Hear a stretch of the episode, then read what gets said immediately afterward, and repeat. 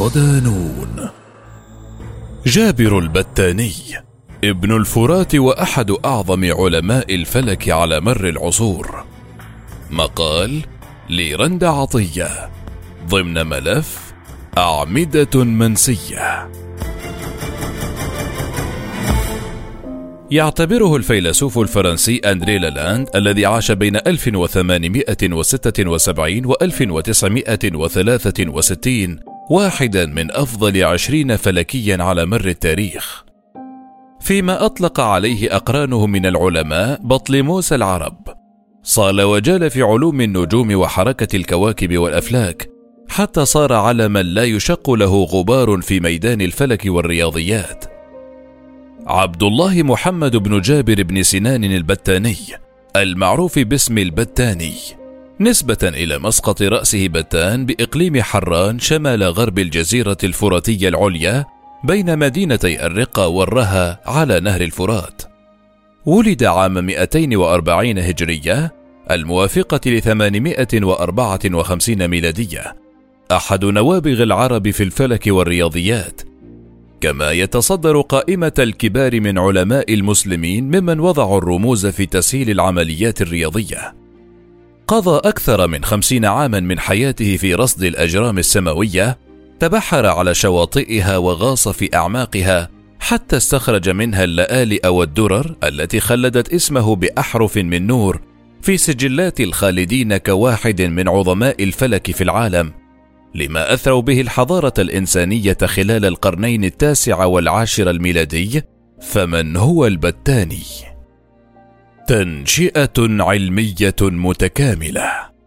نشأ ابن جابر في أسرة تحب العلم وتوقر العلماء فهو ابن أخت العالم العربي الشهير ثابت بن قرة وكانت عائلته على الديانة الصابئيه ثم أسلمت لذا يلقبه البعض أحيانا بالصابئي تلقى دراسته الأولى في علم الفلك على يد والده الذي كان يعد أحد أبرز العلماء في ذلك الوقت، حيث تعلم الأسس والمبادئ العامة قبل أن يقرر معا الذهاب إلى الرقة، حيث الانفتاح على الكثير من العلوم والخبرات. كانت الرقة في ذلك الوقت موطنا لكثير من العلماء والباحثين، وكان من أبرز من وطئوها ودرسوا في ذلك العصر علي بن عيسى الأسطرلابي ويحيى بن أبي منصور وكلاهما علم من أعلام الفلك ورغم أنه لا يوجد دليل موثق على تلقيه العلم على أيديهما فإن كل الشواهد تذهب إلى أنه تجرع حركة الأفلاك والنجوم على يد أحدهما كؤوسا وألوانا. يشير ابن النديم إلى أن البدايات الأولى لرحلة البتان مع الفلك كانت عام 878 ميلادية في مدينة الرقة التي أجرى بها بعضا من أرصاده حتى عام 918 ميلادية. ثم غير وجهته بعد ذلك إلى أنطاكية شمال سوريا وهناك أنشأ مرصده الذي حمل اسمه مرصد البتاني. بطليموس العرب. اعتمد البتاني في تأهيله العلمي على دراسة مؤلفات من سبقوه من العلماء والمتخصصين وكانت دراسته تتسم بالطابع النقدي إذ لم يكتف بالنهل من معينهم فقط. لكن بتفحيص وتمحيص كل ما ورد في تلك المؤلفات التي انتقد بعضها وأضاف عليها كما هو الحال مع كتاب المشسطي للعالم الشهير بطليموس حيث كتب فيه تعليقا وانتقد بعض آراء المؤلف رغم ما كان يتمتع به من مكانة علمية مرموقة ولم يجرؤ أحد على انتقاده أو الاقتراب منه لذا أطلقوا عليه بطليموس العرب. واشتهر العالم المسلم برصد الكواكب والأجرام السماوية وأسهم في هذا المجال بالعديد من الإسهامات منها أنه أول من اكتشف السمت أزمة. وأسهم في هذا المجال بالعديد من الإسهامات منها أنه أول من كشف السمت أزماث والنظير ندير وحدد نقطتيهما من السماء. كما نجح في تحديد ميل الدائرة الكسوفية وطول السنة المدارية والفصول والمدار الحقيقية والمتوسط للشمس. ومن أبرز إنجازاته الفلكية تصحيح حركات القمر والكواكب ووضع جداول جديدة لموقعها، كما استطاع تحقيق مواقع عدد كبير من النجوم ضمنها في كتابه الشهير الزيج، الذي اعتمد عليه علماء الفلك قرونا عدة. وبلغ من التفوق العلمي أن خالف بطليموس في ثبات الأوج الشمسي. وبرهن على تبعيته لحركة المبادرة الاعتدالية وهو صاحب أرصاد دقيقة للكسوف والخسوف وهي الأرصاد التي اعتمد عليها علماء الغرب في تحديد تسارع حركة القمر في حركته. إسهاماته في حركة النجوم والأفلاك.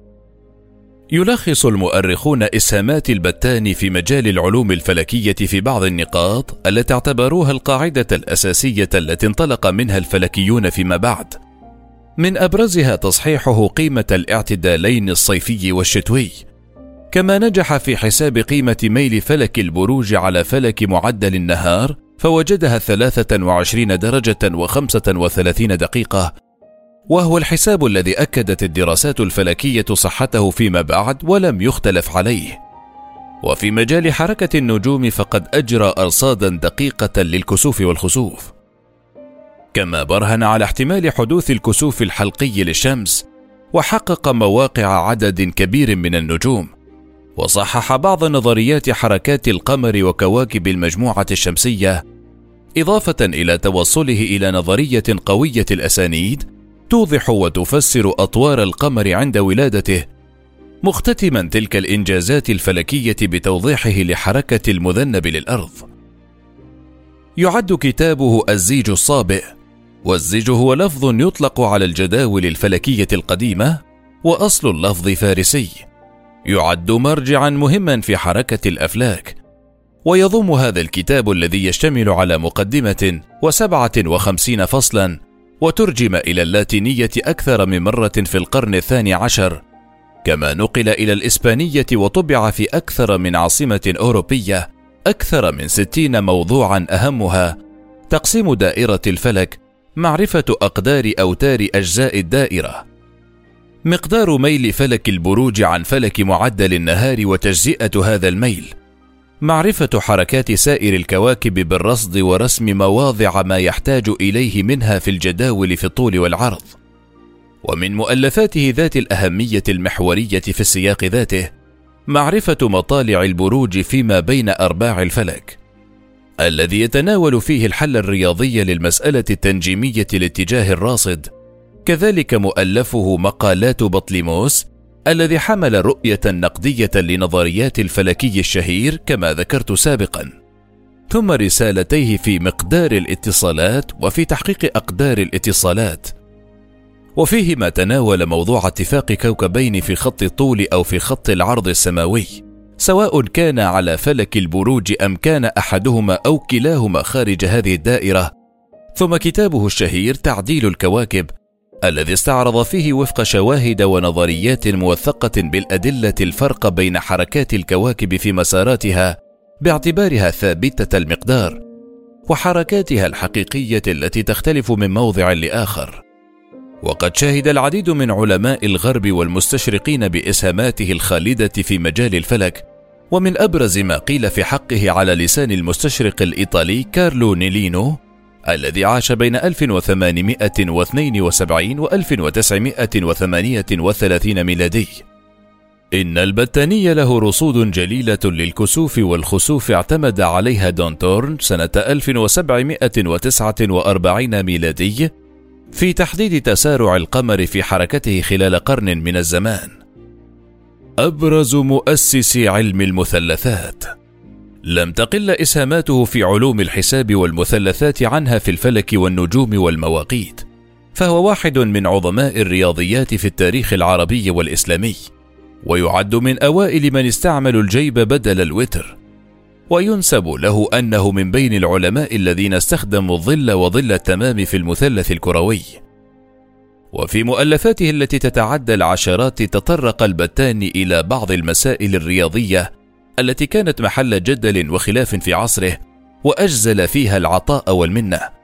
ودرس بعضها نقدا وتقييما لا سيما تلك التي عالجها رياضي اليونان بالطرق الهندسية حيث قدم لها حلولا بالجبر لذا يعتبره البعض أحد من أسسوا علم المثلثات في العالم. في كتابه التراث العربي العلمي في الرياضيات والفلك يشير المؤلف قدر طقان إلى أن عظماء العالم في تلك العلوم وعلى رأسهم كاجوري وهاليه يعتبرون البتاني من أقدر علماء الرصد والرياضيات في التاريخ كما وصفه آخرون بأنه أعظم فلكي زمانه. وخلال سفره إلى بغداد مع بعض أهل الرقة للشكوى في مظلمة عانى من مرض مفاجئ وهو في طريق عودته توفي قرب سامراء. وكان ذلك عام 929 ميلادي بعد مسيرة حافلة بالعطاء أثرى خلالها الحضارة الإنسانية بالعديد من الإسهامات وتقديرا لتلك المكانة أنشئ له تمثال في الرقة غير أنه تعرض لعملية تخريب خلال عام 2013 ويبقى البتاني واحدا من مفاخر المسلمين ورافدا مهما من روافد الحضارة الإسلامية. التي قدمت للبشرية ما لم يقدمه غيرها.